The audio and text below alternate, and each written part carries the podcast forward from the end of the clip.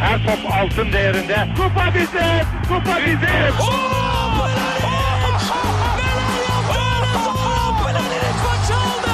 Dengeli de attı. İsabeti de buldu. Magna Fontaine. Zora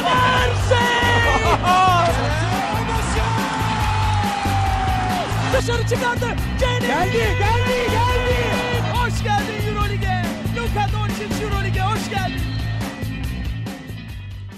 İkili Oyun'un 103. bölümüne hoş geldiniz. Ben Serkan Mutlu. Mikrofonun diğer ucunda basketbol dünyamızın uzman ve aranan isimleri ve duayan kalemleri Ali Aktin ve Tancan Fümen var. Selamlar beyler.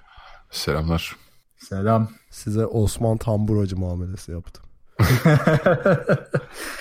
Birazdan telefon bağlantısı alalım kendisiyle. Hayatta mı? Ee, değil galiba. Hadi ya. O kadar kötü. Şimdi çok kötü hissettim kendimi. Vallahi kendimi kötü hissederim lan. Dur hemen Hiçbir bakacağım. fikrim yok. Hayatta galiba ya. Ee, bilemedim. Hayatta hala... Ama şu, Yok lan hala yazı yazıyor lan. ha oha iyiymiş o zaman. Tamam tamam o zaman sorun yok. Ha, saydır. Yok bu arada şaka maka hani Osman Tamburacı deyince hani bizim daha çocuk olduğumuz dönemki o hararetli futbol programları bile daha kaliteliymiş lan. Şimdi düşündüm de Tamburacı falan deyince. Şimdikiler bayağı şey yani. Yani nasıl? İşte Twitter tartışması gibi. Yani Alt evet. alta yorumlar. Çok kötü yani o açıdan. Osman Tamburacı'nın Ben Ali diye bir kitabı vardı onu okumuştum. Ali Şen üzerine. Tabii o Ha, dönem güzel mi? Yani sonuçta Galatasaray yani objektif bir kitap değil canım. Hmm. Ama tabii şeyleri falan anlatıyordu işte Ali Şen'in e, politikayla olan şeyi bu askeri ihaleler vesaire gibi acayip Ha, şeyler vardı yani. Gerçi Neyse. o Türk basında biraz tuhaf. Mesela Galatasaray'ın o meşhur bir kitabı var. Onu da Fenerbahçeli bir yazar yapmıştır. ya. Adını hatırlayamadım şimdi. Öyle mi? Ha, böyle bir şey var. Karşılıklı bir alver var orada. Ama o dönem işte Ali Şen, Ömer Çavuşoğlu falan dönemi. iyice böyle Fenerbahçe Hmm. Galatasaray kavgasının şey oldu. Ayyuka çıktığı dönem ya. Ne Evet biçim ya. dağıldık lan. Ne, nereye geldik ya? Abi Ömer Çavuşoğlu diyor. Vallahi- Allah kahretsin. Abi şimdi derbi herkes de- konuşacağız değil mi bu yayında? Ben Evet, evet, evet. Maç Abi sonu futbol olaylar şöleni falan. izlemedin mi? İnanılmaz bir futbol şöleniydi yani. Evet, Jason ne tokat attı ya falan diye iyice böyle saçmalıyor. Dur ya Abi, neydi dur lan ya. NBA konuşacağız. NBA Arsenal Liverpool da konuşabiliriz. Önce saçma. Futbol podcast'ı mı yapsak hiç izlememe rağmen neredeyse. Abi şunu görüyorum ben her izledim. Yani Arsenal'i bu, yani bu sene full izledim de Galatasaray Fener maçı ya da herhangi bir Türk maçından çıktıktan sonra bu tip bir maça geçince hep şey oğlum saha ne kadar boş lan falan diyor. Evet. Herhalde Türkler eksik oyuncuyla falan oynuyormuş gibi hissiyata kapılıyorum her seferinde bir tuhaflık oluyor. Ee, neyse beyler toparlayabilir miyiz? NBA konuşacağız. 50 sayı Evet, atanlar konu- falan var lütfen. Konuya dönelim. Ee, neydi bak dağıl, dağıttım bitirdim beni ya Tancan. Şeyden Clay'den girelim. Clay, Dur önce Clay, Clay kanallarımızı, Jordan. kanallarımızı hatırla. Clay Jordan. İyice karıştı her şey. evet toparlıyorum. NBA konuşacağız. Dinlediğiniz için teşekkür ederiz. Hoşçakalın. Hayır. Görüşmek Ee, üzere. Görüş, yorum, öneri ve soru falan ileteceğiniz kanalları hatırlatarak başlayayım hemen ki toparlamış olayım. Web site adresimiz ikiloyun.com, mail adresimiz selam at ikiloyun.com, Twitter, Soundcloud ve Spotify'da ikili oyun takip etmeyi unutmayın. Geek Yapar'ın YouTube kanalından da yayınlarımızın takip edilebildiğini hatırlatayım. Telegram grubumuz t.me slash ikili oyun. Harika bir Twitch kanalı var. twitch.tv slash tancan. Oh girdim forma, forma Kanalıma girdim tekrar. Evet. Evet evet hızlandın. Ritmi buldun. Üst Ritmi üste bir 50 buldum. giriş daha yap. Şu an ben. şu an Clay gibi 11. üçlükteyim. 3 tane daha atarsam Serkan 13. girişini kaydediyor bir an. Şimdi geçen hafta NBA konuşurken iki konu vardı böyle şey dediğimiz işte Clay'e zaten onun sülalesi rahat demişti Ali. Ee, Evet ben Clay'in bizi dinlediğine bayağı ikna oldum ya. Bana inat yapar gibi. Bir de üstüne Rose zaten 30 dakika üstü süre alıyor. Bu ne kardeşim falan demişti Tancan. Üst üste ikisi de 50'şer sayıyı Dur gönderip. 3 var. Şey var bir de Tyron Lue olayı var. Ha bir de Tyron Lue var doğru. Yani böyle biz podcast'ı kaydet şaşırdık yani. 3 haber daha 3 haber daha. Fena patladı. Evet e, bunlar oldu. İsterseniz Clay ile başlayalım. E, yani başlayalım derken bir bahsedelim yani o 50 sayı olayından. Çünkü orada 3 tane perspektif var. Bir kere tabii şeyi hatırlatayım ne oldu? Clay 14 üçlük atıp 52 sayıyla bitirdi değil mi o maçı? 52 evet. 52 sayı atarak NBA rekorunu kırdı. Rekoru daha önce yani üçlük rekoru bir maçta atılan en çok üçlük rekoru 13 üçlükle kimdeydi? Curry'deydi yani. Öyle bir durum. Şimdi perspektifi de şöyle vereyim. 3 açıdan bakalım buna. Clay çok kötü başladı. 20'de 3'le mi 4'le mi ne falan oynuyordu 3 sayı çizgisinin gerisinden bir sezonda. Bir anda 14 üçlük attı. İkinci perspektif veriyorum. Ee, işte devre arasında konuşurlarken 8 üçlükle mi ne giriyor galiba şeye e, de şeye soyunma odasına. Curry ile konuşuyorlar. Curry yaparsın aslansın diyor. İkinci perspektif bu. Zaten e, Clay 14. atınca e, Curry Clay'den daha çok seviniyor. Bu da var.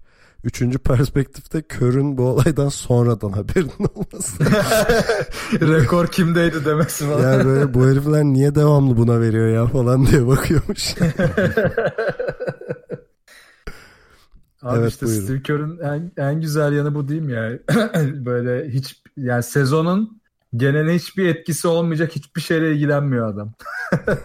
hani bu şey sorusu da vardı ya işte detaylı istatistik nelere bakıyorsunuz falan diye sorduklarında yüzdelere bakıyorum falan deyip geçmişti.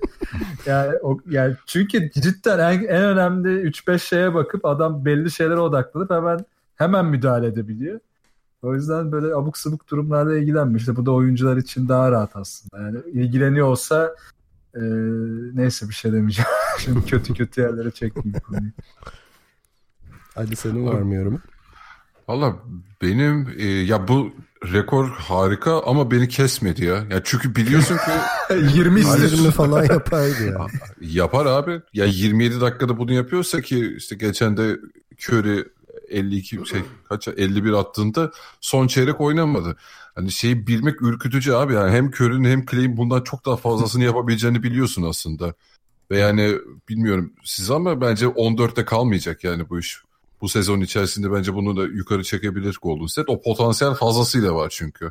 Ama unutma abi Kayseri'nin bir lafı vardır. Poker masasından zamanında kalkacaksın. Yani bu Zaten bir Bu da- bu 11'den da- sonra şey oldu. Abi şut atmak çok yorucu bir iştir. Hani bir bütün belini belini ağrıtır yani adamın. Ee, o kadar denedikten sonra bir tavsamaya başladı yani onu görüyorsun zaten. Evet burada tabii Kayseri perspektifini hafife almayalım da. Yok ben, ben gerçekten onların bu rekoru daha da üste çıkarabileceğini yani Curry mi olur Clay mi olur onu bilmiyorum ama ya o potansiyel var ve bence yapacaklar ya ben 14'te bu iş kalmaz diyorum. Ya bir de yapmalarına e, imkan verecek bir takımla da oynadı ya. Çünkü şunu atlıyoruz işte orada çok fazla detay var. Ben mesela işin biraz Serkan dedi deyince yani kafamda şimdi canlandı. Hani fiziki tarafına da değineyim. Gerçekten hani Clay'in o core olarak çok kuvvetli olması, bütün o topsuz oyunlarda devamlı hareketli olması. Bak şuta atmadan önceki o ritmi yakalayacak ivmeyi oluşturması bile bir iş. Yani e, geçen böyle detay bir istatistik var NBA'in sayfasında işte topa topu aldıktan sonra hiç dribbling yapmadan işte atılan şutların yüzdeleri hepsinde Clay lider. Hatta e, orta mesafedeki o yüzdesi inanılmaz yüksek. E, üçlükte zaten e, çok yüksek. Yani bunları yapmak için işte şey zannedilebiliyor orada. Yani koşuyu alıyor atıyor rahat. Ama işte oradaki o kadar fazla change of pace var ki savunmadan kurtulmak için bir hamle yapıyor. Eğer coast to coast koşuyorsa o koşuyu yapıyor. Üstüne gidiyor savunma yetiştiyse bir daha bir fake atıp e, backdoor cut deneyebiliyor ya da işte tekrar ters taraftan e, dışarıya çıkmaya çalışıyor. Yani asla bunu işte Avrupa'da topsuz oyunlarda göremeyeceğiniz şeyler. Çünkü oyuncuların birçoğu bence teknik olarak yeterli ama tembeller. Clay tam aksine çok çalışkan. E, tüm bunları yapınca da 14 üçlüyü en azından 14 üçlü sokmasa bile o kadar üçlü deneyebilecek e, imkanı çok kısa sürede yaratıyor. Yani o da bir tartışma ya. İşte 24 top kullandı abi. 24 topu ama 48 dakikada kullanmadı işte. Çok az bir sürede o 24 şutluk pozisyonu yarattı. Bunun da nedeni yine kendisi. Bu da güzel bir detay bence bu rekorla ilgili. Bir de Ona da artı insan... şey yapabilirsin. Pardon. Clay'in savunma performansını da ekleyebilirsin. Ha, bir Sadece de o yıpranma yani. var. Tabii. Clay iyi bir savunmacı yani. O göz ardı ediliyor. Bir de ben insanlara şeyi öneririm abi. Bir sonraki hani basketbol oynamaya çıktığınızda bir şeyi deneyin. Bir arkadaşınızdan rica edin. iki arkadaşınızdan. Pardon üç lazım bunun için de. Ee, hani biri bir şey koysun, perde koysun. Biri savunmacıyı oynasın. Siz o perdenin arkasından sprintle kaçıp pası yakalayıp o anda şut çıkartmayı deneyin. Ne kadar yorucu bir şey olduğunu görürsünüz yani. Çünkü hani yani. E, driplingin üzerinden şut atmak başka bir şey evet ama o sprintin üzerinden topu yakalayıp dönüp dengeyi hiç bozmadan bu kadar iyi şut atmak çok başka bir şey yani. Çok uç nokta. Bir de Clay'in şöyle bir özelliği var. Vücudunu çevirebiliyor. Topu kötü alsa da o kadar güçlü ki havada vücudunu çevirip doğru e, vücut pozisyonuna göre yani dirseğini, dizini falan ellerini hep aynı hizaya sokabiliyor. O da çok ekstrem bir şey yani. Hı hı. Yani Kör için de şunu söyleyebilirim. Kör'ün yani şeyin çok farkında Golden State'in bir tempo takımı olduğunun ve hani oyundan zevk almaların çok önemli olduğunu farkında. Çünkü geçen sene yaşadıkları şeyi biliyoruz. Bir ruhsal bir çöküşe girmişti takım. Gerçi şampiyon oldular gene altın çiziyorum. ee, hani en azından normal sezon performansları önceki sezon yani önceki 3 sezona göre biraz aşağıda kalmıştı. Hani orada yaşadıkları şeyin farkında. Kör'ün tek umursadığı şey o makinenin zevk alarak oynamaya devam etmesi ve buna uğraşıyor. Yani demiş ya benim haberim yoktu bu şeyin şey olayından, e, rekor olayından falan. Gerçekten umrunda değil çünkü böyle şeyler. Hani bu bu isimler yani bu yıldız isimler sahada birbirleriyle olmaktan zevk aldığı sürece gerçekten önemli değil yani istedikleri rekoru denerler zaten. E zaten ben bir Durant'ten de bir sayı rekoru bekliyorum bu sezon. Yani. bir böyle ekstrem bir sayı rekoru gelecek bence. Abi Durant zaten şu ana kadar hayvan gibi oynuyor bu arada. Yani inanılmaz oynuyor da hani biz Curry'i tartışıyoruz. Rekor kırdı falan diyoruz. Durant ağzına sıçtı ortalığı yani o hiç göze batmıyor yani. O da bir çeyrekte falan yapıyor ya böyle New York maç. Hadi bir çeyrekte ben 30 atayım da bakarız sonrasına falan diye takılıyor böyle. Ya biraz daha şey zaten e, Durant'a bir şey görevi veriliyor ya. Özellikle böyle sıkışık anları çözme görevi genelde Durant'ta oluyor. Mesela Curry hep tempoyu devam ettiriyor zaten o acayip bir tehlike yaratıyor. Bu arada ben Tancan'dan rica ettim bir yayında Curry özel yayını yapsın diye. Özellikle Curry'nin e, yarattığı tehdit üzerine bir yayın yapmasını rica ettim. E, neyse yani Curry onunla görevliyken Durant sıkışık anlarda kilidi çözüyor ve çok kalp kırıcı şutları var. Geçen sene falan da konuşuyorduk bunu. Hani öyle bir görev dağılımı var ve şu ana kadar da inanılmaz gidiyorlar yani. Gerçek bir zevk izlemesi. Kesinlikle. Ve Durant bu arada az üçlük deniyor daha hani e, üçlükleri de ne kadar yüzleri attığını biliyoruz. Bir de onu tutturursa işte rekor gelebilir o zaman o tarafta. Peki geçen haftadan kalan bir gündem daha ya listemizde yoktu ama araya sıkıştıracağım. Tarın Lu'nun kovulması olayı var. Bunu da çok kısa geçelim isterseniz. Küsmesin. Zaten hani geç kalınmış bir karar hani e, o planlama hani sezon planlaması sezon başında daha doğrusu yani şey LeBron gittiği anda yapılması gerekiyordu. Hani o plan yapıldı da e, sezon içerisinde ona mı ters gitti Tyron yoksa sezona böyle mi girecekti de yönetim sonradan mı karar değiştirdi? Orası net olarak bilemeyiz ama bence doğrusunu yaptılar zaten hani e, bir şey değişmeyeceği Cleveland'da çok açıktı.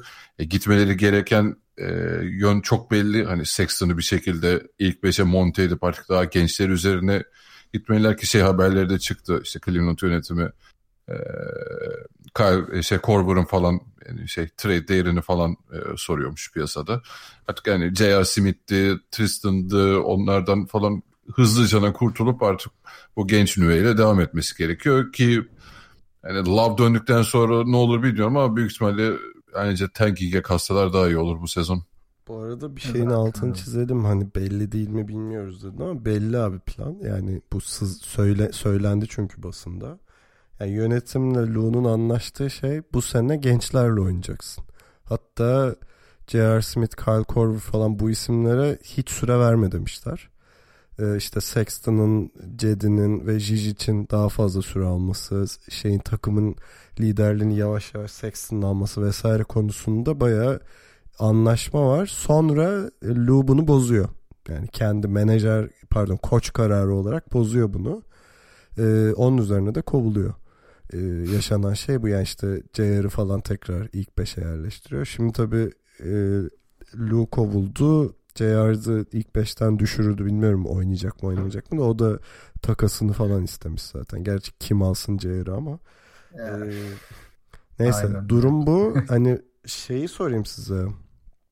Hani bu şimdi baktığında tam Lou hep çok tartışılan bir isimdi okey ama sonuçta kağıt üzerinde şampiyonluğu getirmiş koç yani sana ve işte 3 senedir final oynatan koç 6 maçta üzeri çizilmiş oluyor. Yani bu tamamen objektif bir bakışla söylüyorum bunu. Ee, bu size normal geliyor mu? Soru bu. Abi şu, şöyle bana normal geldi. Ee, hep diyordum ya Lou'ya ötürü bakıyorum LeBron'dan ötürü diye. LeBron gidince şunu anladım ki bu sezonun başıyla zaten Lou'nun kafası 15 sene geride kalmış.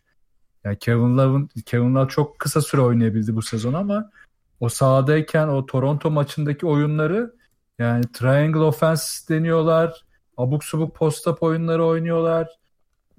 Yani aslında işi değiştiren LeBron James'miş yani. Ben o yüzden lafımı geri alıyorum. Tyronn Lue zaten çok kötüymüş. Lue zaten iletişimi ve hani kenardaki oyuncuları yönetir ya da diğer işte konuları çözer diyordum. Onları da bu sene işte yönetimle atışıp e, eski oyunculara takılı kalınca o, o görevini de kaybetmiş. O yetisini de kaybetmiş daha doğrusu. O yüzden kovulması bence çok isabetli oldu. Darısı artık diğer birkaç koşun, koçun başına diyorum yani. Ya ben de soruma da cevap vermiş oldum. Çok normal yani. E, yani çünkü baktığında buna bir şirket gibi bakmak lazım. Bir patronla bir anlaşma yapıyorsun. Yani ama iyi ama kötü takımın direksiyon çevirmek istediği bir nokta var patronun. E koç da bununla uymuyorsa gönderilir yani ben böyle düşünüyorum. E, ve bu arada baktığında Cavaliers hani işte Triangle'ı falan geçtim. Savunmada korkunçlar yani birbirleriyle konuşmayı bilmiyorlar switch'e savunmayı bilmiyor. Hiçbir şey bilmiyorlar yani. Gerçekten Cedi hariç savunma bilen adam yok diyorduk da tam Cedi bireysel olarak belki hani en iyi savunmacılarından biri olabilir Cavaliers'ın ama takım olarak bu savunmayı yapmadığı sürece hiçbir değeri yok zaten. Abi zaten geçen hafta konuşuyorduk daha takımın böyle bir alışkanlığı olmadığını geçen senelerden normal sezonda zaten hiç göstermiyorlardı bunu. Geçen sene artık en dibe çöküş noktasıydı. Ee, yani yazında öyle bir şey inşa etmediklerini çok net görüyoruz zaten. O yüzden gönderilmesi bence en doğru karardı. Peki gelelim Minnesota'ya ve tabii ki de Rosa. Şimdi e, yani çok duygusal bir gün yaşandı. Hani ne bileyim belki de NBA tarihine geçen bir gündür. Çünkü Derrick Rose gibi e, hani bir, bir nesli çok etkileyen ve işte en genç MVP ödülünü alan ve sonra kariyeri yokuş aşağı giden bir ismin e, hani geri dönüşü diyeyim ama tabii nasıl geri döndüğü tartışılır. Yani hangi seviyede geri döndü ama ne olursa olsun 50 sayıda oynayıp takımını gerçekten yönetebildiği ve işte gerek seyirciden gerek takım arkadaşlarından inanılmaz destek görüp üzerine bir de gözyaşlarıyla bitirdiği bir gün oldu. Yani duygusallık dozu çok fazlaydı. Bu arada ka- Tancan baya kalpsizdir yani hiç bunlara takılmayacak göreceksiniz. ee, ama yani taş olsa ağlar abi Tancan. Allah belanı vermesin yani. Attım beni şimdi Twitter'ın önüne sıçtık. siz, siz yapın yorumunuzu ben en son yapayım. tamam. Yo buyurun yani bu gün yaşandı ve çok tabii ki de şey çerçevesinden bakmak lazım. İşte herhalde Minnesota e, şeyi medyatik olma durumunu Lakers'tan çaldığı bir dönemde. İşte Butler gitmek istiyor, gidemiyor. İşte yok e, bilerek oynamıyor diyorlar.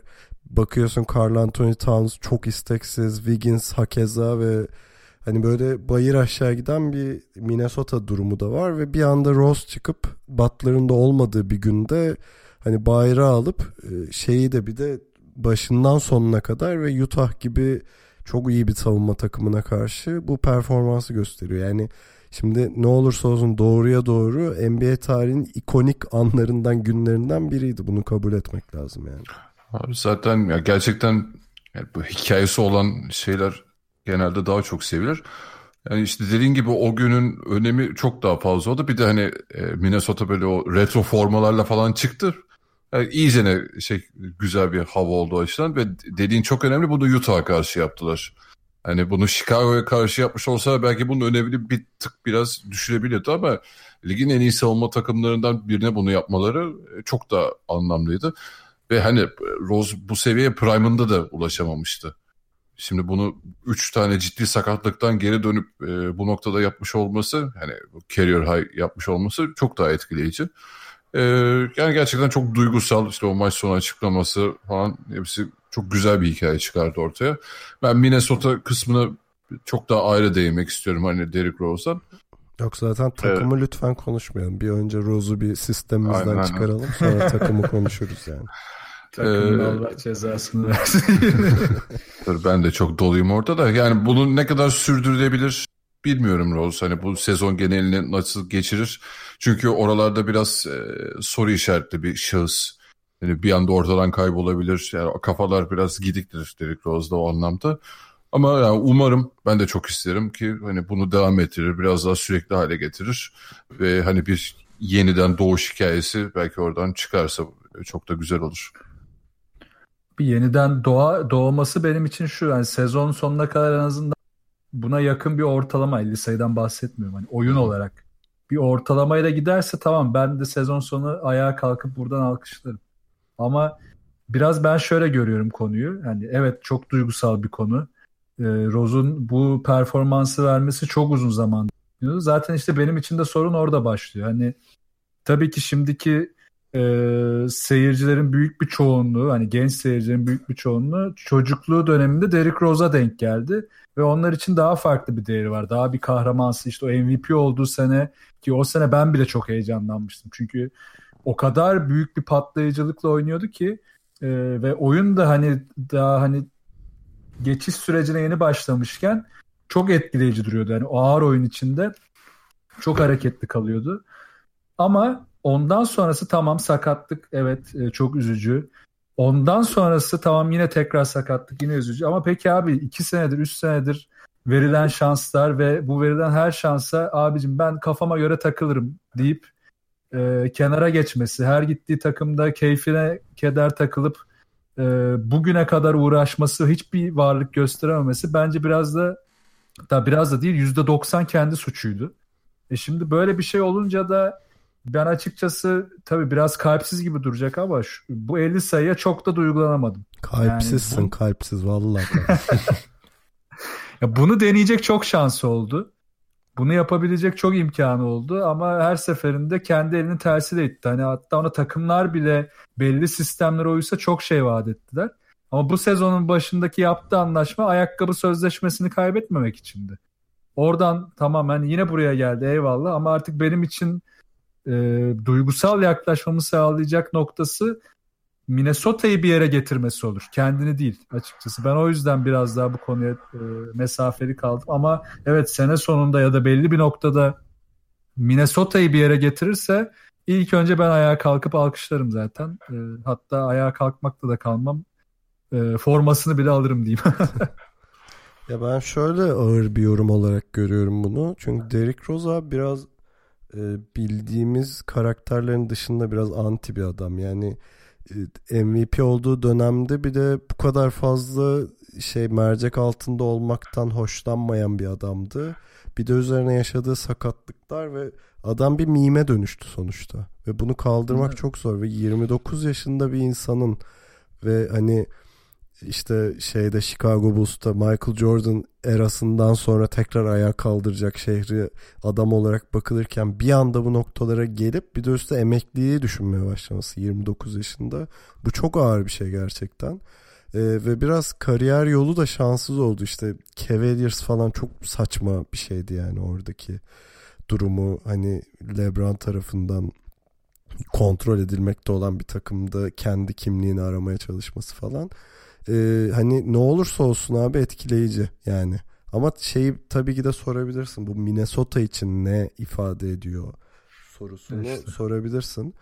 Ee, gene de bu rolü kabul etmiş olması yani işte nasıl diyeyim Butler'ın Butler, Wiggins ve e, Towns önderliğinde bir takımda 6. 7. adam olarak görev almayı kabul etmiş olması. Butler'ın olmadığı bir günde de bu liderliği alma cesaretini göstermiş olması bunlar iyi işaretler abi. Hani bu şeyde e, bu oyuna bu şeyde tevazuyla yaklaşması ben çok takdir edilesi buluyorum yani. Çünkü çoğu insanın bu kadar psikolojik olarak güçlü kalamayacağını düşünüyorum.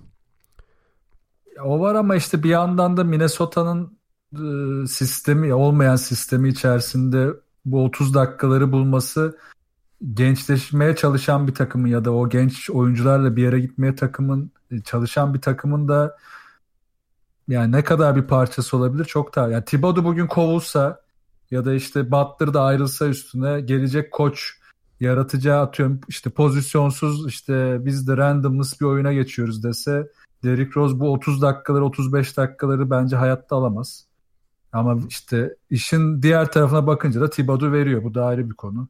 O yüzden hani e, Minnesota için bir şey ifade etmiyor. Okey evet e, Derrick Rose üzerinde bakarsak e, duygusal bir konu. Ha tabii senin dediğin tarafta şu çok doğru. Bireysel sorunlarıyla da çok uğraştı. Hatta tam olarak çözülmemiş bir tecavüz davası da var. Bugün yani yayın hazırlık yaparken evet o, o geldi aklıma bir baktım.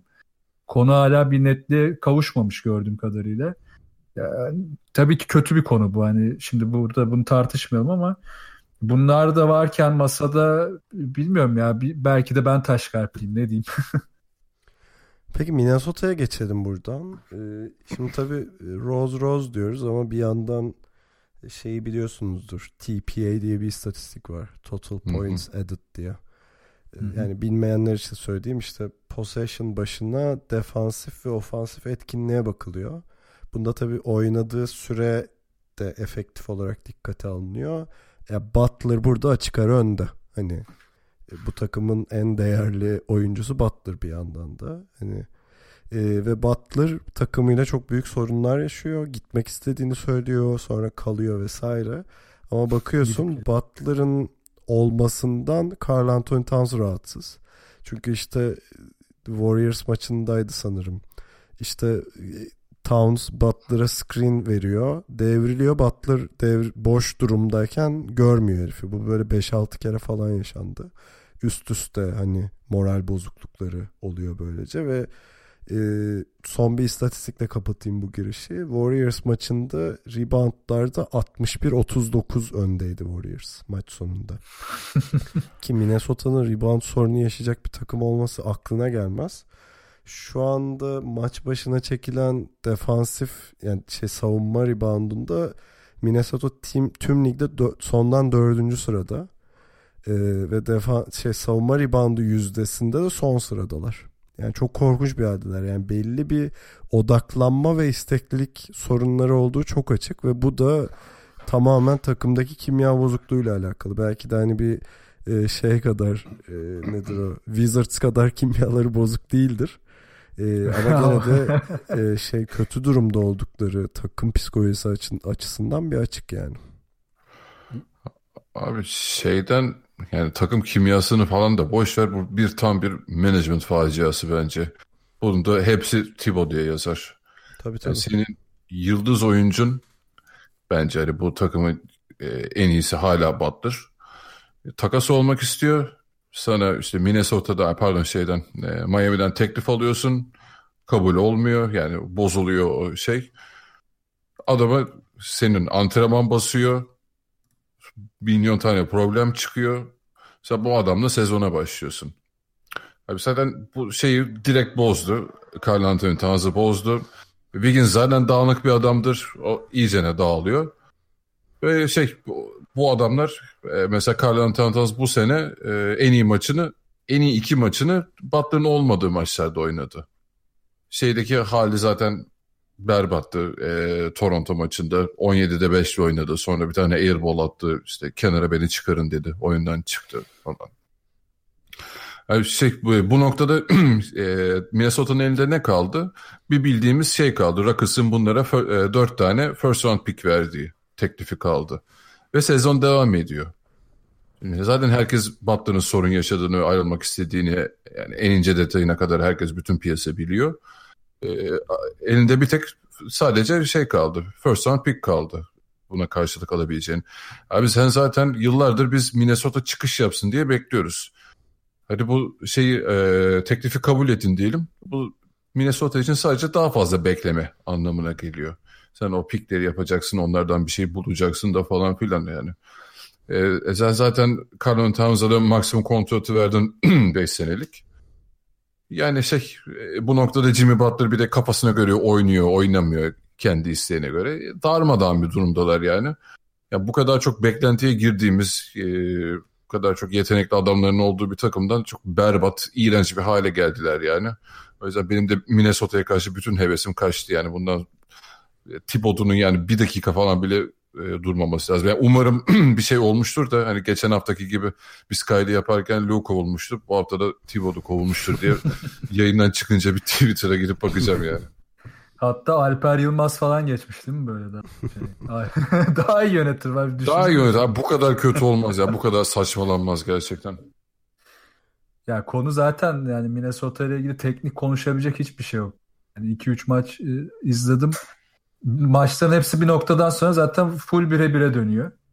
Bire bire dönene kadar da işte biraz Butler'ın merkezinde olduğu oyun çalışırsa o çalışıyor. Yoksa bire bir oyna olmadı Towns'a ver. İşte biraz takılalım. Savunmada da yine Butler yoksa zaten savunma direkt çöküyor. Orada da hiçbir şey yok. Ha işte hani Derrick Rose'un 50 e, sayısının o, o maç tabii ekstrem o ayrı bir yerde. O maçın dönüşü o tamamen farklı oldu ama teknik olarak gerçekten konuşacak hiçbir şey yok takımla ilgili. Yani şu sorunlar çözülene kadar Thibodeau gidecek mi, Butler ne yapacak, Carl Anthony Towns artık patlayacak mı, çatlayacak mı, ne olacak, Wiggins'a verilen kontrat nerelerinden çıkacak vesaire vesaire. Yani takım tamamen bir faciaya döndü Ali'nin dediği gibi. Yani mental sorunları çözünce tekrar döneriz herhalde Minnesota'ya bir noktada. Valla ben bir Rockets GM'ini bir arasınlar diyorum abi. Yani Değil mi? şu anda e, Towns'u ve Wiggins'i kazanmak ve Rose'a da hani ciddi bir rol verip yani Butler'ın gittiği senaryodan bahsediyorum. Bunun karşında Rockets'tan belki bir iki iyi parça ve ciddi draft pickleri almak çok hiç de fena bir çözüm olmayabilir. Çünkü belli abi takım şey yani bunalımda. Bunu çözmen Tabii. gerekiyor yani. Bence Ve daha iyisi de bulamayacaklar. Bir şey soracağım size hani şey unutalım. Ee, bugün ligden yeni bir garda alacak olsanız herhangi bir takımdan kimi alırdınız? Ya da işte Butler'ın şey karşılığı en iyi ne olur sizce? Ya, takas olarak mı yani? Şeyde, ya kim herhangi bir evet Butler'ı takaslayacaksın. Kim yani en iyi parça kim oturur? John Wall mu olur yani bu takıma? Draghi falan diyebiliyor muyuz abi? De abi hangisini dersin? Abi Miami özelinde düşünüyorum. Ben Dragic'i alırdım yani düşünmezdim. Ya tamam alırsın okey de abi Butler'dan öncesini düşünelim. Ya Jimmy Butler gerçekten olabilecek en en en iyi senaryoydu için. E Jeff, bu takımı Jeff... sürükleyecek, işte savunma direnci katacak, e, bu takımı ısıran bir takım haline getirecek. Ya gerçekten Jimmy Butler olabilecek en iyi senaryoydu Minnesota için ve geldiğimiz noktaya bak. Jeff Teague zaten alındı bir daha da ayrı bir saçmalık da neyse hiç sevmediğim bir oyuncu. Yani ya işte bak şey e, kimya dediğimiz konu öyle bir şey ya. Bak şimdi Towns'u bir kenara bırakıyorum. Tamam genç. Wiggins'i tanıyorsun. Jeff Teague'i tanıyorsun. E, Derrick Rose'u getiriyorsun onu tanıyorsun. Şimdi bu takıma Butler'ı getiriyorsan e, ya bu oyuncuları almayacaksın ya da bu oyunculardan kurtulacaksın ya da bu oyuncuları bir şeylere ikna edeceksin. Ya da Butler hiç getirmeyeceksin. Çünkü Butler'ın kafa yapısı belli. Nasıl oynamak istediği belli. E sen gelirken bu adama belli sözler veriyorsun. Bak bence sadece Towns ve Butler olsaydı takımda yine çözülebilirdi birçok şey. Çünkü Towns'ı bile biz şey gördük yani bazı şeyleri hırs yapıp düzeltebildiğini gördük. En azından belli bir yere kadar isteği var. Ama hani moralman biraz daha hızlı çökebiliyor. Ama Wiggins, Jeff Teague ve diğer işte boş oyuncuların hiçbiri zaten hani Butler'ın mentalitesinde oyuncular değil. Hayat böyle şeyime minare takılan oyuncular yani. O yüzden hani e, en baştaki karar da hatalı. E, sonrası hepten hatalı. E, e, bu işin işte GM koç döngüsünde Jeff Van Gundy tarafında da gördük bu işin yürümediğini. E, yine görüyoruz. Artık e, bir an önce şeyin e, Thibodeau'nun yollanması lazım ama bunu konuşan da kimse yok bu arada. Ben görmedim ya da. Bu arada son bir güncelleme vereyim. Butler'ın son açıklaması sanırım dün yaptı bunu. Tamam sorunlarımız var ama bu herifleri seviyorum. Bu arada herif şey motherfucker'ı herif diye çevirdim. Kim ne düşünürse düşünsün demiş. Abi Butler öyle bir karakter zaten. Ben ilk bu olaylardan sonra hani bu antrenman... Nasıl sarhoş ama değil mi orada? antrenmandaki olaydan sonra Carlin Towns ve Wiggins'den bir tepki alsa ben orada Butler okeydi yani bence. Kazanırlardı Butler'a. Ama e, kötü senaryo gerçekleşiyor şu an Minnesota için. Öyle bir şey olmayacak. Towns mutsuz, Wiggins mutsuz. E, şey saçma sapan. Ya bir de şu da var. Jimmy Butler'ın sezon sonunda kontratı bitiyor. Free agent olacak. Yani Hiçbir şey alamadan da ha, yani bu sezon bu sezon sen adamın e, bir şey takas karşılığı alıyorsun ama lig ilerliyor abi. E, ne olacak? Gitgide şey yani Jimmy Butler'ı millet alacak olan yarım sezon almış gibi bir şey olacak mesela belki. E, o da bir risk. Tabii. Abi işte Thibodeau'nun gitmesi lazım. Üçümüzün iyi, iyi özet oldu sağ ol. Ortak kanım. Ama abi baktığında en büyük sorun bir kimya sorunu ve bunun da yaratan şey management zafiyeti. Kesinlikle. Bu da Thibodeau yazar yani. Yapacak bir şey yok. Kesinlikle. Peki kısa bir ara verelim. Aradan sonra Spurs, Nuggets, Pacers ve Bucks konuşacağız. Bayağıdır istenen konulardı.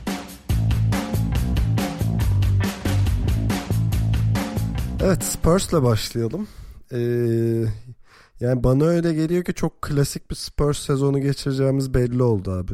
Birincisi kimse onları konuşmuyor. evet, her şeyde bütün şartlar evet, yerine geliyor. Evet, yani konuşacağı zaman ezber laflar dönüyor. İşte atletik değiller, savunma takımı, üçlük atamıyorlar falan. Ve Batı'da üçüncü sıradalar. Ve kimse izlemeyecek yine de. Abi Spurs'la ilgili zaten hani benim en çok sezon başında itiraz ettiğim konu şuydu. E, Lamarcus'la DeMar DeRozan öyle bir hale gelecek ki böyle drive ederken çarpışıp yere düşecekler falan gibi bir kanı vardı. Bu yüzde yüz ters çıktı zaten. Hani şu anda mesela şöyle bir istatistik var. Hani DeRozan tüm ligde hücum tarafında en çok mesafe kat eden, yani yer değiştiren oyuncu. bu da bu da ayrı bir tuhaflık. Ee, ki Popovic tarafına baktığında hiçbir tuhaflık yok. Yani Popovic zaten DeRozan'dan ne alacağını o kadar iyi biliyor ki bunu işte şeyde çözmüştü. Zaten yine kendi açıklaması da var ya e, Lamarcus'ta yaptığım hiçbir hatayı Demarcus'ta yapmayacağım diye. Hı hı. Pardon Demarcus. Demarcus. Demarcus. Demarcus. Evet, uyumlu geldi ve şiirsel geldi. Va Demarcus Cousins San Antonio'da diyebilir miyiz acaba? Allah söyle. Ya DeRozan da yapmayacağım hiçbir hata dedi ve yapmadı. Aksine de DeRozan'da eksik olan her şeyi öğretti. Mesela DeRozan Toronto'da şu hatayı çok yapıyordu. Drive'a başladıktan sonra ya da e, çembere gitmeye odaklandıktan sonra hiçbir şekilde etrafına bakmıyordu. Bu sene onu tamamen değiştirip mutlaka eğer pozisyonu zorsa ya da yardım geldiyse ya da kaybettiyse artık o sayı ihtimalini mutlaka sayı e, sayı ihtimali yaratabileceği bir pasa çeviriyor bunu. Ve San Antonio'nun da işte yavaş bir takım olmasına rağmen set hücumunda hareket edebilen, spacing bilen bir takım olması da e, DeRozan asist olarak dönüyor. Bu konuda böyle, bu konuyu da çözdükleri için e, Lamarcus zaten geçen seneden beri çemberden uzaklaşarak top almaya alışmıştı. Yani üçlük atmıyor belki ama e, özellikle DeRozan'la yaptıkları pick and roll'lardan sonra faulün çok üstüne çıkıp yani üçlüğün biraz altından top alıp oralardan şut atabiliyor. E, ayrıca buradan e, o bölgeden ki o da oyunu görebiliyor. Yani topsuz katları fark edebilen bir oyuncu. E, zaten iki kanatta şut tehdidi yaratabiliyor. Belinelli'yi almaları çok önemli bu açıdan. Herhalde Belinelli'yi tutmadığı için Philadelphia kendine hala küfür ediyor olabilir. E, bunları oturtunca da San Antonio evet, yine kimsenin izlemeyeceği ama vay be nasıl playoff'a kaldılar denen bir takım olacak Serkan'ın dediği gibi. Yani Tancan'a bir de ben şeyi ekleyeyim DeRozan konusunda. Kafası çok rahat görünüyor abi adamın. Yani o bütün Evet.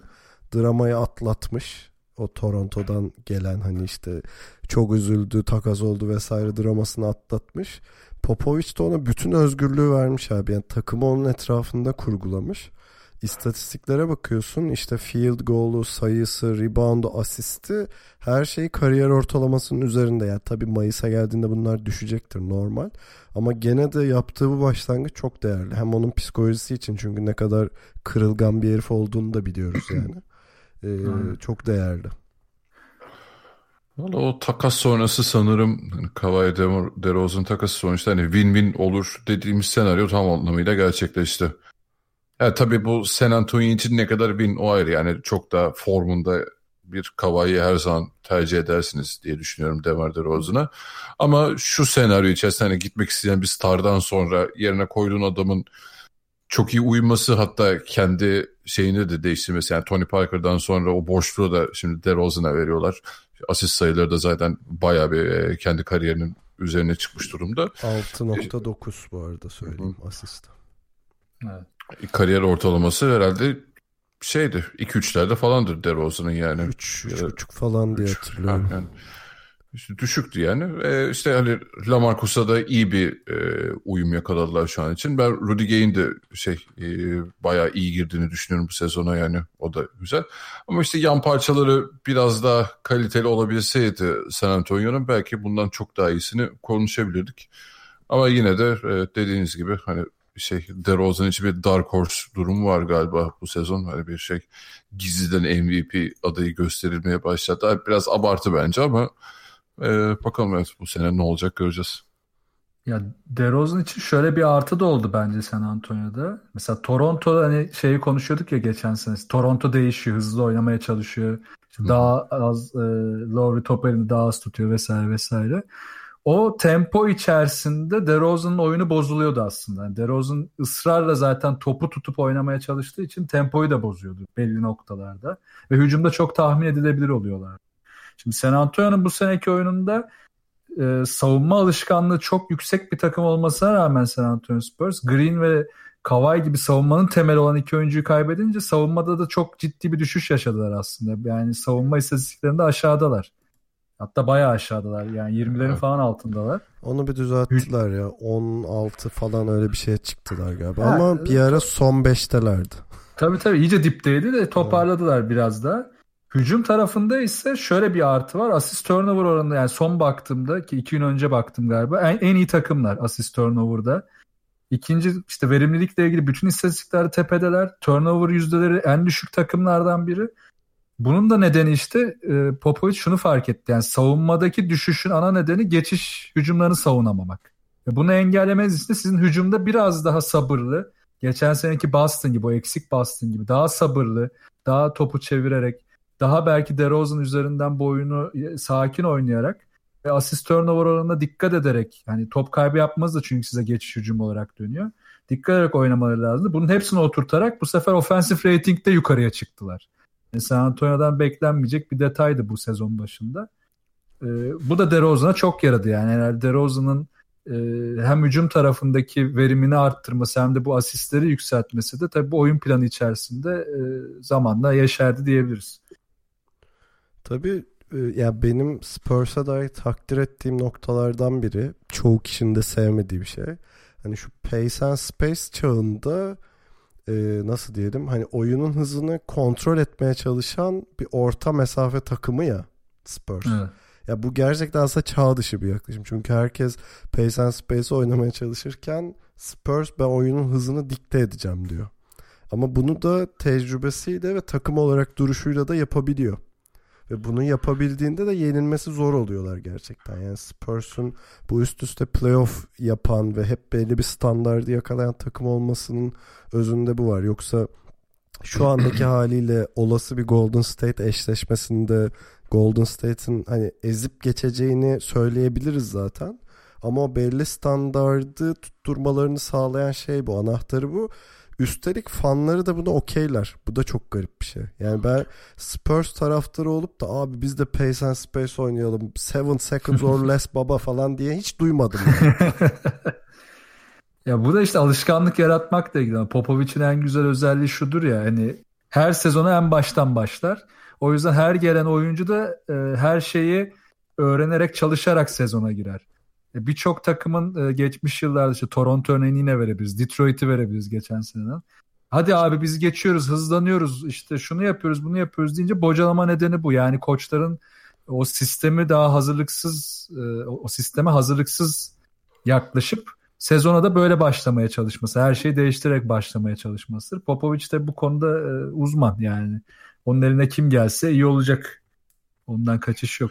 E tabi orada ince ayarlarını da çekiyor yani. Mesela Gasol'ü bu sene e, geçen seneye göre çok daha az görüyoruz. Evet. Ama orada ilginç detay var mesela. İzlediğim maçlarda şunu fark ettim. Bu arada boyalı alandan çok sayıyorlar. E, Demarcus e, şey pardon yine Demarcus yine ben Lamarcus. Lamarcus Cousins şey Cousins dedim bak bu sefer. Lamarcus Cousins. Demarcus Aldridge, Lamarcus Cousins. Oradan şeye doğru bağlayacağım. Neyse. E, Lamarcus'un 5 e, numara oynadığı sistemde zaten savunma çok kötü ama o kırılma anlarında da Gasol'ü alıp çember savunmasını güçlendiriyor. Hadi mesela Gasol'le çember savunması yapıyoruz. Kelimeleri de yan yana gelince biraz tuhaf duruyor ama gerçekten işe yarıyor bu sezon. Kilit anlarda Gasol e, o kısa sürelerde çember savunmasında iyi iş çıkarıyor. Bu arada şey bitireceğiz herhalde Spurs'u yavaş yavaş. Bir çalışırken şeye baktım işte şu an Demar DeRozan'ın ortalamaları 27.6 sayı, 5.4 rebound, 6.9 asist. Ee, Spurs tarihinde en azından herhalde modern çağda diyelim. Ee, 25-5-5 ortalamayla oynayan olmamış abi. Hadi ya. Çok Bak buna David Robinson çok yaklaşmış. 29.8 sayı, 10.7 rebound, 4.8 asistle. Ama hiç 25-5-5 yok ya. 25-5-5 yok yani. Çok garip bir şey. Bunu Michael Cousins yapacak abi bu sene.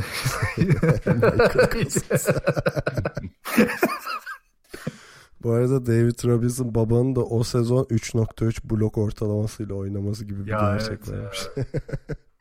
Yani herhalde benim hayat yani aklımın erdiği süre boyunca Morning ve Robinson dışında daha iyi bir blokçu görmedim ya inanılmazlardı ya. Ee, peki ekleyeceğiniz bir şey yoksa Nuggets'a geçelim. Geçelim. Heh, Nuggets konu. konuşmak için ne yapmanız gerekiyor falan gibi şeyler söylüyorlardı. Bu arada... Bizi de gaza getirmek ne kolaymış ya. Bir kişi YouTube'da yorum yazdı diye üçümüz de masaya yatırdık konuyu yani. Beni ya. sinirlendiren şu oluyor bu konularda. İşte siz de bilmem ne taraftarı mısınız falan diye bir tane oradan çıkıyor. Biz taraftarız zaten şeyiz be. ona, ona bile diyorum ben böyle sinirleniyorum.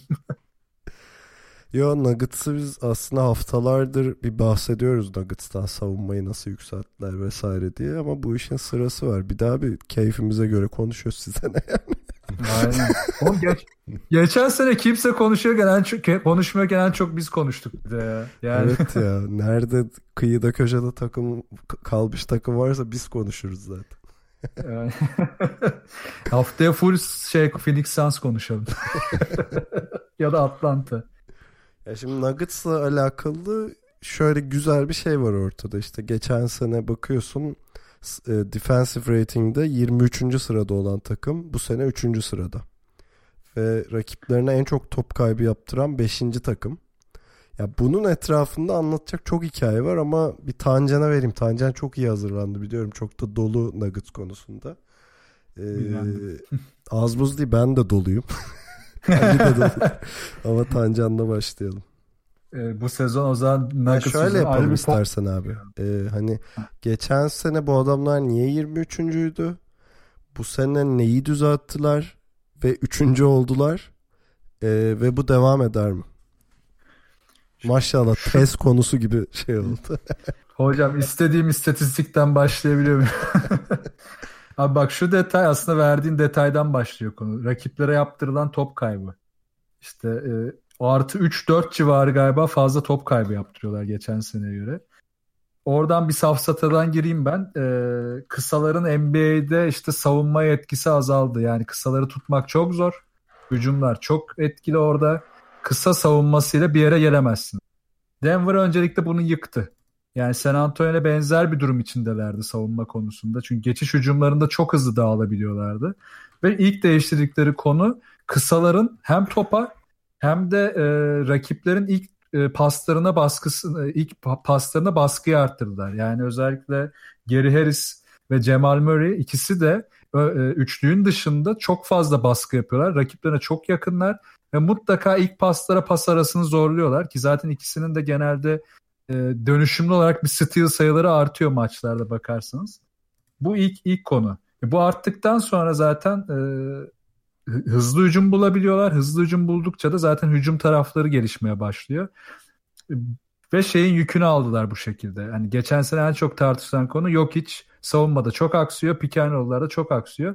Onun üzerindeki yükü burada %60-70 aldılar.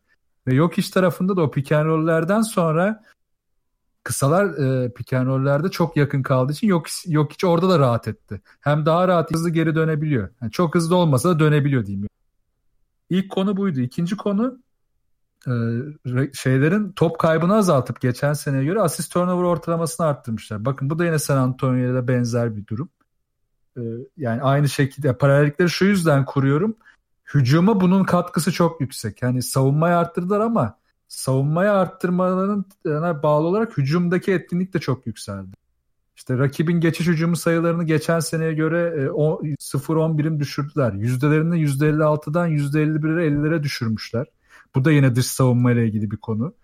E, e, rebound konusu da son konusu abi bu savunma tarafının. Rebound tarafında özellikle offensive rebound'u çok fazla zorluyorlar. İşte bu da yine geçiş hücumu vermemek için. Yani maçları izlerken mutlaka dikkat etmişsinizdir yok içinden kısalarına işte Trey Lylis'ından kenardan gelen herkesine herkese kadar devamlı hücum reboundları zorlanıyor. Yani iyi şut atılsın kötü şut atılsın her türlü zorlanıyor. Bu da yine savunmanın e, geçiş tarafındaki en önemli şeylerinden biri, ayaklarından biri. O yüzden Denver savunmasında ne değişti dersek topyekün bu 4-5 madde değişti. Üstüne de hücumdaki o topsuz oyun mentalitesi biraz daha yok iç üzerinde e, birikiyordu. Bu sefer takıma dağılmaya başladı. Geri Harris de Cemal Murray de topsuz oyunlara çok dikkat ediyorlar. E, kenardan gelen Lyles iyi bir 6. adam olma tarafına gidiyor. E, Will Barton sakatlanana kadar çok iyiydi. Zaten o da savunmanın bir parçası.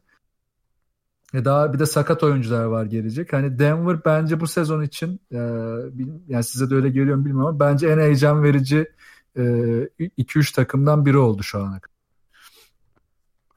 Ali'ye katılıyor musun? Ee, katılıyorum abi. Bir de ben şeyleri okudum. Bu sezon başında e, ki yapılan çalışmalarını okudum Denver'ın. Ya bir kere zaten problem tespitini çok iyi yapmışlar ve bunu düzeltirken de yani e, nasıl geliştireceklerini çözerlerken de şey yani beklentileri çok yerinde tutmuşlar. Yani Denver'ın gerçekten şu an şey bizim e, ligin elit savunma o, takımı olma gibi bir derdi de yok. Bunda yani tam şu an e, üçüncü ya da dördüncü sırada olmaları belki öyle gibi gösterebilir ama e, beklenti o yönde değil. Yani ilk onda bitireceklerini bile düşünmüyorlarmış açıkçası. Ama en azından şey olarak yapabilirsek demişler hani ortalama üzeri bir savunma takımı olursak biz zaten hücuma güveniyoruz. Bu, bu da bize otomatik olarak e, 50 galibiyet üzerine taşıyabilecek bir sistem olarak düşünüyorlar ve bunun üzerine çalışmışlar. E, ki hatta şeyde sormuşlar yok içe hani sen savunmanın neresinde olmak istiyorsun diye. O da üst tarafta yukarıda hani kısa e, tarafında olmak istediğini söyleyince arka tarafı tamamen buna göre organize etmişler. E, hatta Plumlee'nin bir röportajı vardı onunla ilgili. E, antrenmanlarda sessiz antrenman yapmışlar. Mesela kenardan e, hiç direktif almadan hiç kimse bir şey söylemiyor arkadaki dört savunma oyuncusu tamamen kendi içerisinde konuşarak bu komünikasyonu evet. oturtmaya çalışıyor. Çok güzel detaymış bu ya. Herhalde. ya o Tam röportajları bir... ben de okudum. Ben de onlardan bahsetmek istiyordum zaten. Şeyi görüyorsun abi. Maç içinde takım devamlı birbiriyle konuşuyor. Ve hani herkes birbirinin açığını kapatmaya çalışıyor ve yok içinde daha ileride aldığını görüyorsun. Çünkü yani geçtiğimiz sezon nasıl oluyordu? Tüm takımlar yok içe atak ediyor Ve basit bir pick and roll oyunuydu. Zaten herifi süzgece çeviriyorsun yani. Çünkü şey yok aralarında o iletişim yoktu. O Plumlee'nin röportajını okudum ben de. Ya şok olduk diyor işte antrenman maçı başlamış. Çıt çıkmıyor diyor yani şeyden ekipten. Kimse bize ne yapacağımızı söylemiyor, söylemiyor diyor. Hatta bu Wes Anseld e, Junior var ya asistan koçları. Evet. E, şey yapıyormuş abi işte pozisyon oluyor susuyorlar. E, savunma aksadığında durduruyorlar te başa, başa alıyorlar tekrar tekrar tekrar ve hiç kimse hiçbir şey demiyor yani. Sonradan anladık diyor aramızda konuşmamız gerektiğini o anda. Ve yandan bize kimsenin en azından maç içinde ne yapacağımızı söylemeyeceğini o anda anladık diyor. Bu inanılmaz bir detay gerçekten de. İşte alışkanlıklar yaratmak için çok güzel detaymış ya. Bayıldım. E, bu da şey olarak hani bunlara zayıf karnı bu savunmanın e, fazla üçlük olabilerek e, fazla üçlük olarak dönebileceğini e, bahsetmişler ama onu artık sezon yani en azından bunu contested olarak yani e, boş atış vermemeye çalışacaklar. Ama tabii yani iyi hücum e, takımları da buradan fazlasıyla yararlanabilir. Ama tabii bu bize ya, şu dersi veriyor abi herhalde. Yani NBA'de savunmasını çok eleştirdiğimiz takımlar var atıyorum. Cleveland devamlı konuşuyoruz. Ya çok ufak bir mantalite değişikliği bile yani oyuncularına abi savunmada konuşun gibi çok basit bir mantaliteyi değiştirmeye başladığında bile bu küçük şeylerin bir araya gelmesiyle baya büyük şeyler ortaya çıkabiliyor. Bu çok değerli bir şey yani.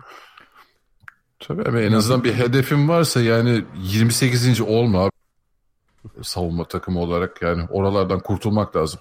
Tamam yani elit olmana gerek yok. Herkes basın savunması yapacak diye bir şey yok. Ama en azından ortalama seviyede tutarsan bu sene zaten e, direkt olarak bir kademe üste çıkarıyor. E, zaten farkı o yaratıyor ya ben de onu diyecektim. Yani hep şu deniyor ya yani hücumlar çok iyi evet. Hücumlar çok hareketli evet. E sen senin de hücumun iyi. E, diğer takımdan hücum iyi. Nerede fark yaratacaksın? Savunmada. Ya yani hücumunda çok ekstra parçalar yok elinde. Hani işte Boston'dan Boston'daki hücuma bak hani kalite yani bireysel kalite olarak söylüyorum. Golden State'e bak. İşte ne bileyim Lakers'a bak. E sende de zaten bu parçalar varsa o kadar hücum edebiliyorsun.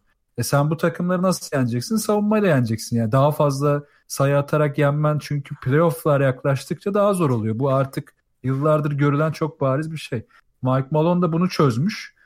E, geçen sene çok kızdığım Mike Malone'u herhalde bu sene en çok takdir ettiğim koçlardan biri olacak. O açıdan da e, şey özrümü dileyim şimdiden kendisinden.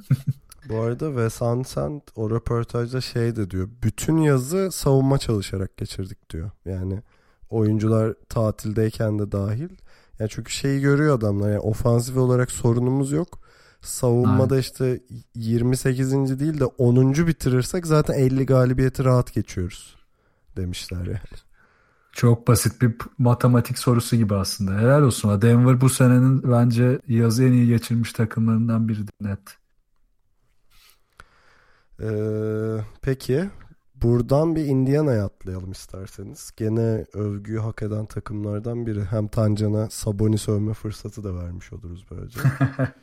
ee, Sabonis yani geçen senenin de sürpriz takımlarından biriydi. Bu senenin de sürpriz takım oldular. O da garip bir şey.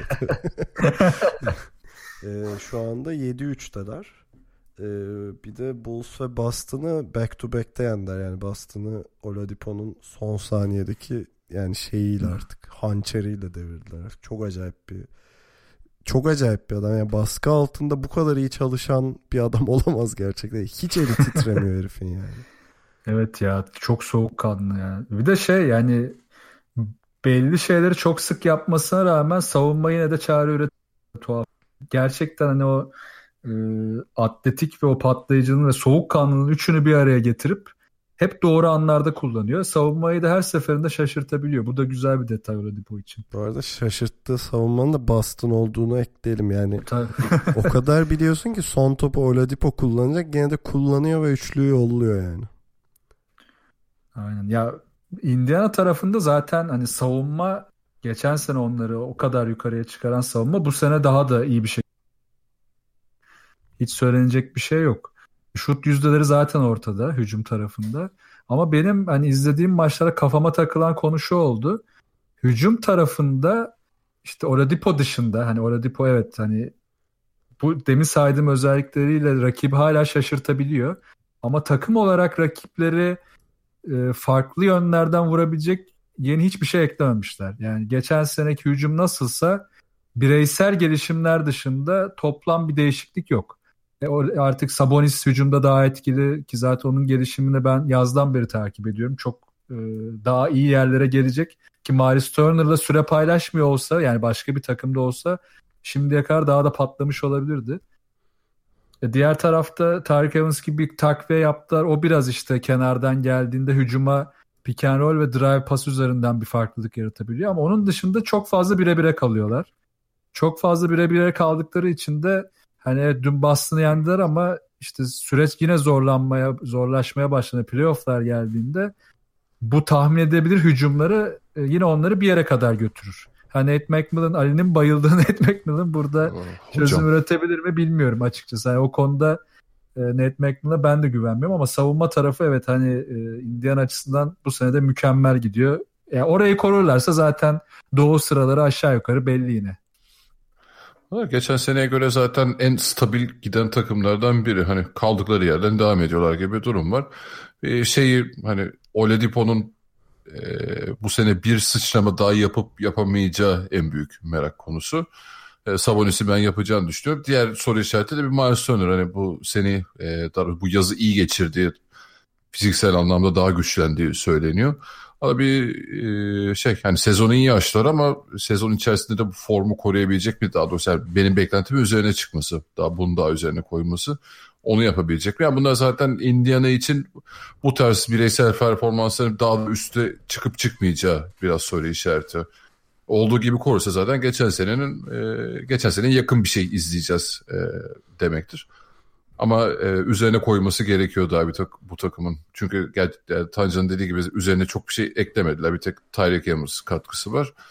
Onun haricinde bakalım daha fark yaratacak oyuncu bulabilecekler mi Oladipo haricinde. Ali'yi kırmışlar belli ya. Boston'ı yenip şey yapıyor bok atıyor şimdi. Niye bok atayım abi? Allah Allah sanki kötü dedik. Bu arada şey enteresan Celtics maçında işte 102-101 gitti bitti galiba. 37 sayı yani üçte bir sayıların bench'ten gelmiş. E, tabii Sabonis ve Tyreek Evans e, faktörü var burada. Yani orada iyi bir şey var abi. Sinerji var diyelim. E, ama tabii bu takımın bir yandan da şeyi belli, gelebileceği nokta belli. Hani doğuda ilk dördü ne kadar zorlarlarsa o kadar iyidir. E, Lebron da yok yani. E, yürü otobana çık hani bir yandan da. Şeyi geçer mi? Sıralamada filin önünde bitirir mi? Valla Philadelphia böyle giderse hem Bucks hem Indiana üstünde bitirir diyorum ben çok. Ya sanmıyorum ama yani bilmiyorum da şimdi çok da şey. Abi Philadelphia bak kaç maç oldu hala bir değişiklik yok. Hiçbir şey değişmeden devam ediyor onlarda. Hani Indiana'da en azından takım savunması hiç bozulmadı. Philadelphia'da iki kişi dışında, iki buçuk kişi dışında savunma da arada sallanıyor. O da bir tuhaf. Hı hı. Neyse Philadelphia'ya girmeyelim şimdi. Evet Konuştuk Philadelphia'ya zaten. tekrar girmeyelim ama yani hmm. Pacers şey mesajını şu an en azından veriyor. Ya ben Doğu'da ilk dört mücadelesi vereceğim mesajını net olarak veriyor yani ki bu bile başarı.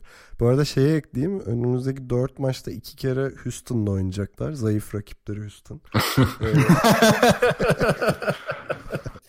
yani Houston'ı en son şey dün geceki Bulls maçında da izledim. Korkunç durumda yani Houston ve e, iki kere iki galibiyet alırsa Pacers şaşırmam gerçekten de. Valla ben de şaşırmam. Houston neyse Houston'a da haftaya gireriz. Detaylı. Evet evet. Şimdi böyle dedim diye Houston 4 maç üst üste seri yakalar ama neyse. Yorumlar gözümde canlandı. ee, buradan Doğu'nun başka bir parlayan takımı Bucks'a geçelim. Ya onların hikayesi daha da garip. Yani tam Pacers'ın şeyi belli ama Bucks e, uzun süre namalup götürdü. Şu anda da yani biz bu yayını yaparken gerçi ikinciler ama maç eksikleri var. Ee, bilmiyorum yani basketbola ve başarıya çok aç gibi oynuyorlar. Evet, e, moralleri çok iyi ve oyunun iki tarafında da çok iyiler. Yani defensive rating'de ikinci, offensive rating'de beşinci. Ee, yani Mayıs'ta ne olur bilmiyorum ama şu anki tablo inanılmaz yani gerçekten de. Valla bana çok garip gelmiyor açıkçası Bucks'ın durumu. Şu an şu yüzden geçen sene gerçekten el freniyle oynuyorlar. Bu çok net. Yani Jason Kidd ve sonrası dönemde e, bu takım ol, yani yapması gereken şey basitti aslında. İşte alanı açacaksın. Antetokounmpo'ya özgürlüğü vereceksin. Yaklaşmayacaksın bir de Antetokounmpo'ya. Zaten bundan sonrası kendiliğinden akmaya çok rahat başladı ya. Bir de işte e, Brogdon'u falan da ilk beşe monte ettiler. Brook Lopez iyi bir şey oldu. E, o da şut atabildiği için. O da çok önüne çıkmıyor Antetokounmpo'nun. Yani zaten geçen sene felaket yaptık. Saçma sapan yaptıkları şeyleri bırakınca Budenholzer daha iyi gibi gözükmeye başladı şu an. Hani hakkını yemek için söylemiyorum. Ama yani e, çok kritik bariz hatalar yapıyorlardı. Onu bırakınca takım kendiliğinden akmaya başladı zaten bir nevi. Yani elinde iyi parçalar var çünkü işte Middleton gibi, Brogdon gibi, işte Lopez gibi, Antetokounmpo'yu şu an iyi tamamlayan parçalar bunlar. Antetokounmpo da hiç fena değil yani hiç ile geleceğe dair iyi ışıklar veriyor. Beğendiğim bir oyuncu. Kaliteli. Antetokounmpo'yu koyacaksın ellemeyeceksin böyle 5 saat izleyeceksin. Geçen sene yani boyalı alanda 3 kişi birbirlerine çarpıyorlar. Savunmada saçma sapan bir e, Cleveland'ın geçen senelerde yaptığı iki kişi öne çıkıp topa baskı yapıp arkada bomboş pozisyon vermeleri falan.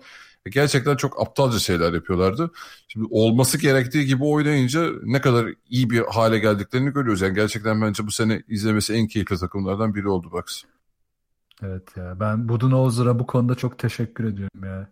Böyle e, dilimde tüy biten bir konu vardı işte bu hücumda işte e, devamlı çizilen setler oynanmalı abi falan diyen konuyu e, böyle kökünden çözüp attık. Yani bunu yıllardır Golden State zaten yapıyordu ama yani Golden State'in oyunlarında bile hani o tek pick üzerinden hemen şut işte 3 saniyelik oyunlar 5 saniyelik oyunlar hani orada biraz daha e, randomness bir durum olsa da gözüken bir şeyler vardı. Milwaukee komple hani e, serbest bırakmış durumda. Yani Ali'nin dediği konu Antetokounmpo konusunda serbestlik takımın tamamına verilmiş durumda.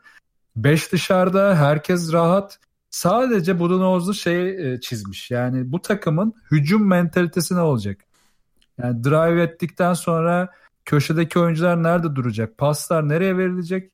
Herkes yerini bilecek. Zaten o da işte şeyi anlatmış. E, işte 5 tane noktayı dışarıda bantlayıp bütün hücum e, oyunlarında hani belli bir oyun sürmeden ortaya bütün hücum spacing'i dediğim daha doğrusu hep bu noktalarda e, oyuncuların ne zaman geçeceğini, ne, nerede duracaklarını anlatmış. Bundan sonrası işte tamamen serbestlik. Yani işte Antetokounmpo drive ettiğinde biliyor ki o noktalardan birinde şu iki oyuncudan biri olacak. İşte ya da Brook Lopez topu aldığında biliyor ki tepeden kat e, şu noktadan gelecek. Bunları bildikten sonra rakipleri şaşırtmanız çok kolay oluyor işte. Rakip sizin hiçbir şeyinize hazırlıklı olamıyor. Tek bildiği şey abi Antetokounmpo top alırsa tehlikeli. ya da Brook Lopez şut atıyor. Tamam bunları zaten seyirci de görüyor ama sonrasında ne olacak? O şutu atmazsa, o drive'dan sonra pası verirse ne olacağı hakkında kimsenin bir fikri yok. Çünkü çok fazla değişken var. Bu açıdan hani çok takdir ediyorum. Gerçekten hani e, koç tarafında NBA seviyesinde Brad Stevens'la birlikte o devrimi yapabilecek koçlar arasına girdi bence. İki sezonu da iyi bir yerde tamamlarsa hani sakatlık olmaz, bu oyun yapısı bozulmaz, işler yerinde gider, yolunda giderse e, Budenholzer gerçekten bu devrimin e, öncülerinden biri olacak. Bu arada 2014-2015 Atlanta Hawks'ta 60 galibiyet yaptırmıştı hatırlarsınız. Evet. Şimdi elindeki kadro çok daha güçlü. Tehlikenin farkında mısınız gibi oldu. Farkında mısınız diye soruyorum. Yani şey abi ben hani bir kere hem ofansif hem defensive ratingde ilk 5'te olmak çok çok elit bir seviye. Ee, ben oradan biraz düşeceklerini ne eminim yani. Mayıs'a kadar böyle gidemezler. Gitmemeliler yani. ee, ama şeyi diyor abi bak şu anda ben ben Sixers'tan çok daha iyi bir takımım diyor yani. Açık açık bunu bağırıyor o kesin. Kesinlikle. Abi de Ersan çok iyi transfer yani buradan da Brett Brown'a selam olsun. Ersan'ı öpüyoruz. Abi, evet geçen Brown'a her şeyde selam olsun. Ersan gitti, Belinelli gitti. Şimdi Furkan'ı yollamak istiyorlar. Yani bu, bu kadar niye şey olarak e, çeşitlilik olarak fakir bir takıma döndürmeye çalışıyor Sixers'ı anlamıyorum. Süperstar Şamet var abi niye öyle diyor? Neyse fili konuşmuyoruz. Çok doluyuz ama Ya bak sezon başı GM anketinde vardı ya en iyi transfer yapan takım. Yani LeBron'dan dolayı tabii ki Lakers öne çıkıyor da Milwaukee bayağı iyi yani. Özellikle gördükten sonra transferlerin rolünü ve durumunu gelen e, oyuncular, drafttan gelen DiVincenzo falan hepsi cuk oturdu ya takıma. Tıkır tıkır işliyor yani. Ve şöyle ilginç bir detay var. Mesela ISO istatistiğine bakarsa hani seyirciler e, işte isolation oynayan yüksek yüzdeli isolation oynayan bir takım gibi görünüyor istatistiksel olarak ama bunun nedeni şu işte o tepede 5 dışarıda olduğu için birebir e, bütün oyunlar tetikleniyor. Antetokounmpo ile Middleton'la birebir ya da işte Bledsoe'la birebir tetiklendiği için isolation gibi görüyor ama oyun başladıktan sonra çembere gitmek zorunda değil bu üç oyuncudan. Bir zaten çoğunlukla da gitmeyebiliyorlar. E tabii ki Antetokounmpo yıkarak da gidebiliyor ama yıkmasına gerek kalmıyor. Çünkü illaki köşedeki şutu ya da illaki kat eden oyuncuyu görebiliyor. O yüzden o istatistiğe bakılırsa biraz yanıltıcı olabilir Milwaukee Bucks özelinde. Ya özetle Antetokounmpo'yu hep iyi bir koçla görmek istediğimizi söylüyorduk. Herhalde görmeye başladık. O bir gerçek yani. Aynen. Şimdi bir de adı ciddi ciddi MVP falan diye anılıyor. Bakalım neler olacak. Aa, o tartışma da kesin olacak ya bence. Yani Tabii. çok bariz bir düşüş yaşamazsa şu haliyle yani o 3-5 kişi arasına adını kesin yazdıracak gibi. Kan akacak. Peki takımları konuştuk artık. Yani geri kalan 5-6 takım daha var konuşmak istediğimiz. Onu sonraki haftaya bırakıyoruz. Yorulduk artık. Bu da can yani. ee, ama Aynen. iki tane güzel konu var bahsetmek istediğim. Birincisi tabii ki de Lakers. tabii kaçırdık. Ee, ya üst üste iki mağlubiyet aldılar. Ee, bunun üzerine Magic Johnson'ın Luke Walton'la bir toplantı yaptığı ve kötü gidişin faturasını Luke Walton'a kesti. ya buna gülüyoruz ne diyelim. yani evet. E, bu arada Abi... kaybettiği takımlar da Spurs ve şey Minnesota'ydı bu arada. Yani acayip. E, neyse böyle bir durum var ve işte bir, hemen toparla yoksa gönderir seni, seni lafına varan bir şeye dönmüş yani iş gerçekten de. Sert bir konuşma olduğu söyleniyor. Ya belli ki şu var abi. Magic Johnson kısa vadeli çözüm istiyor. İşte bu kadar şey yaptık, yatırım yaptık, LeBron'u getirdik, gençler var, bana galibiyet ver, playoff ver diyor.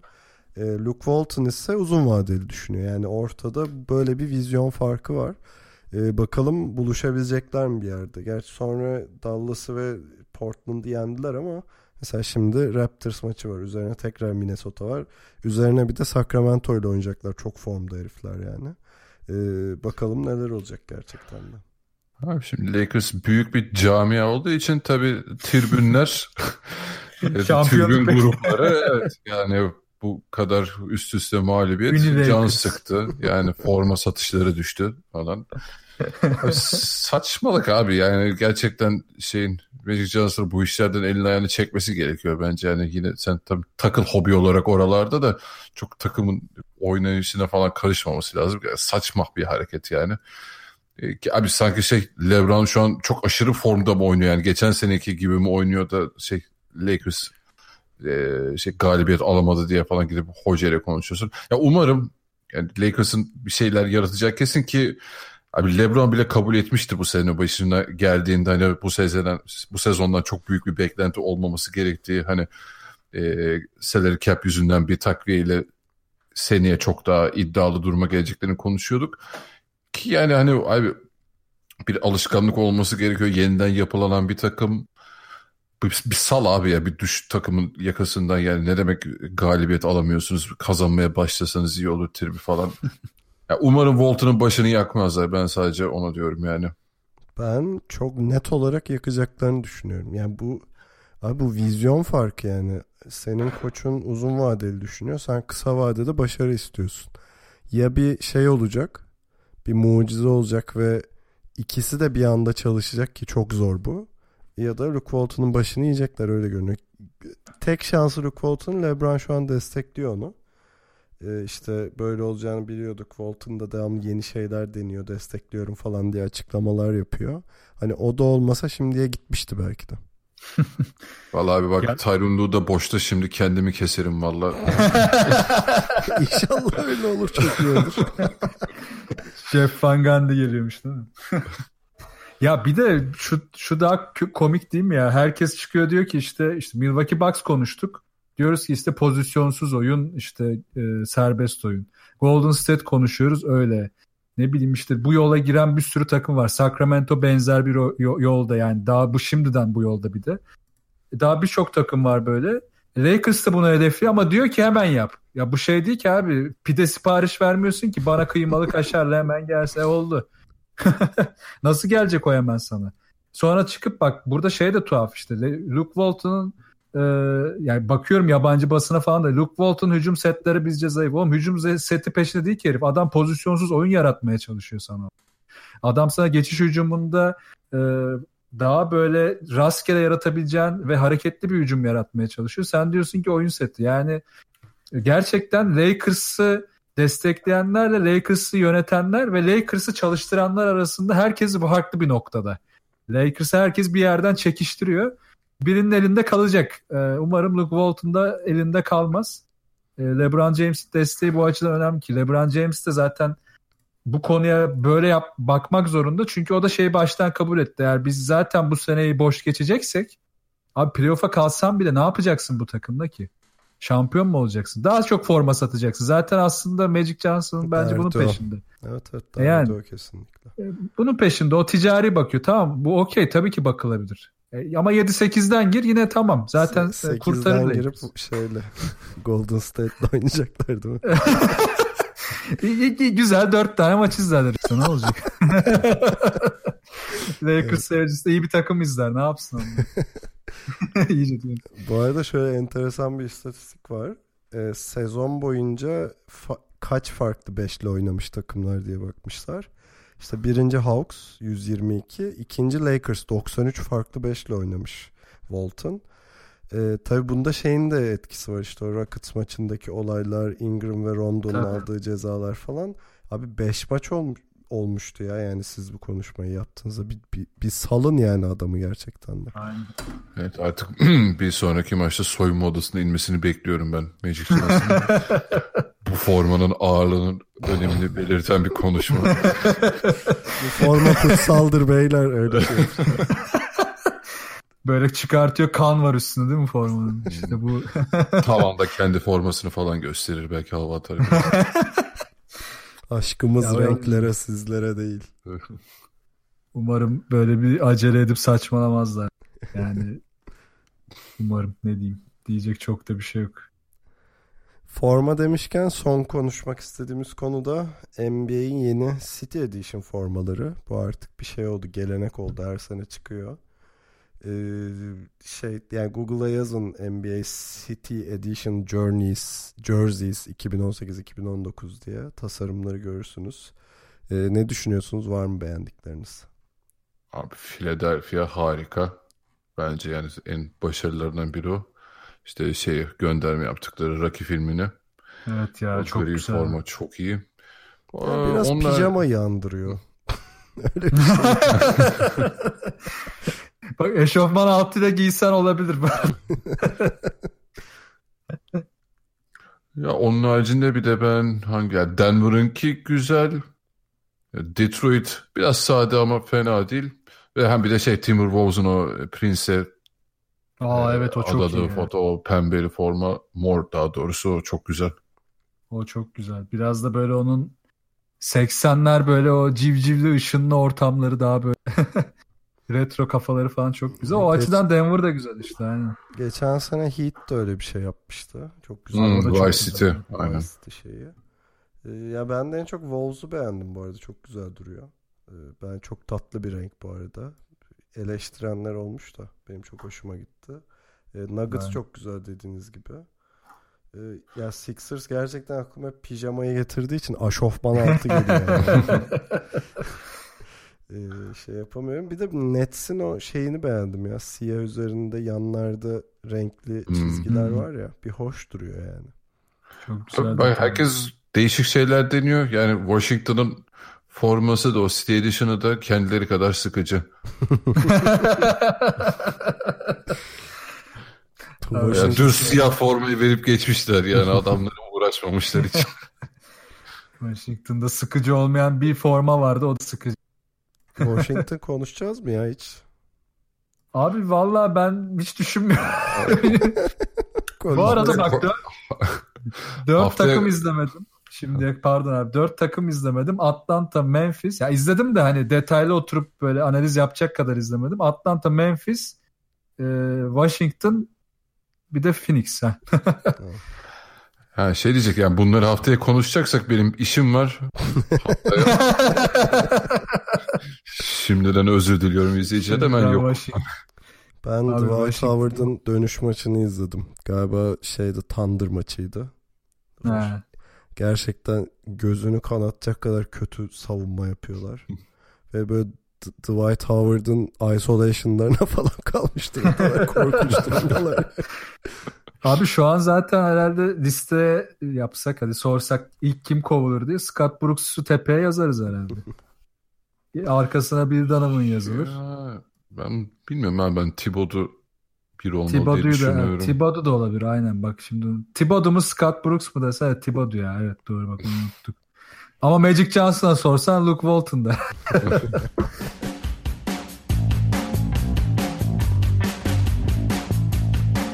İkili oyunu dinlediğiniz için çok teşekkür ederiz. Nuggets konuşmak için daha ne yapmamız lazım Tancan ya? aynen abi artık. Bence Nuggets'a özel ayrı podcast yapalım. Böyle bir buçuk saatlik. Mike Malone'un çocukluğundan gireriz. Evet. Yok, Yok için yok neden içte. şişman olduğundan çıkarız. Yok hiç atletik değil abi o yüzden. O yüzden şişman. Aynen. Onun çocukluğunu sevimdir lan. Fotoğrafı olsa keşke. Çok tatlı. Vardı galiba ya öyle bir şey. Var mı? Var, Böyle var. şişman Var mı? tombili bir oğlan yani. Abi, Var. çok tatlı. Almıncır yani. Kalinic falan Twitter'da dalga geçiyordu galiba bir ara.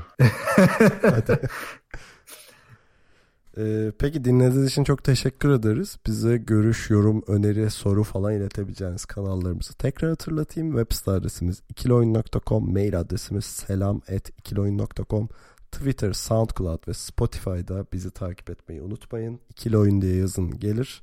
Telegram grubumuza bekleriz. t.me slash ikili oyun adresinde yayınlarımızın içerik ortağımız Geek Yapar'ın YouTube kanalından da takip edilebildiğini hatırlatayım. Bir de dostumuz Tancan'ın twitch.tv slash Tancan adresinde nefis bir Twitch kanalı var. Girin takip edin ve hatta Prime üye olun. Değil mi abi? Evet Prime'la üye olursanız daha avantajlı. Bu arada ben de sana teşekkür edeyim abi. Her seferinde bıkmadan, üşenmeden duyuruyorsun. Çok sağ ol. Onu, Teşekkür onu ederim. mixime ekledim unutmam artık. Eyvallah. Çok sağ ol. Şey yayını olacak mı? Curry. Olacak. Ona hazırlanıyorum. Şimdi 3 tane maç analizimiz var. Onlardan sonra da kör analizi olur. Harika.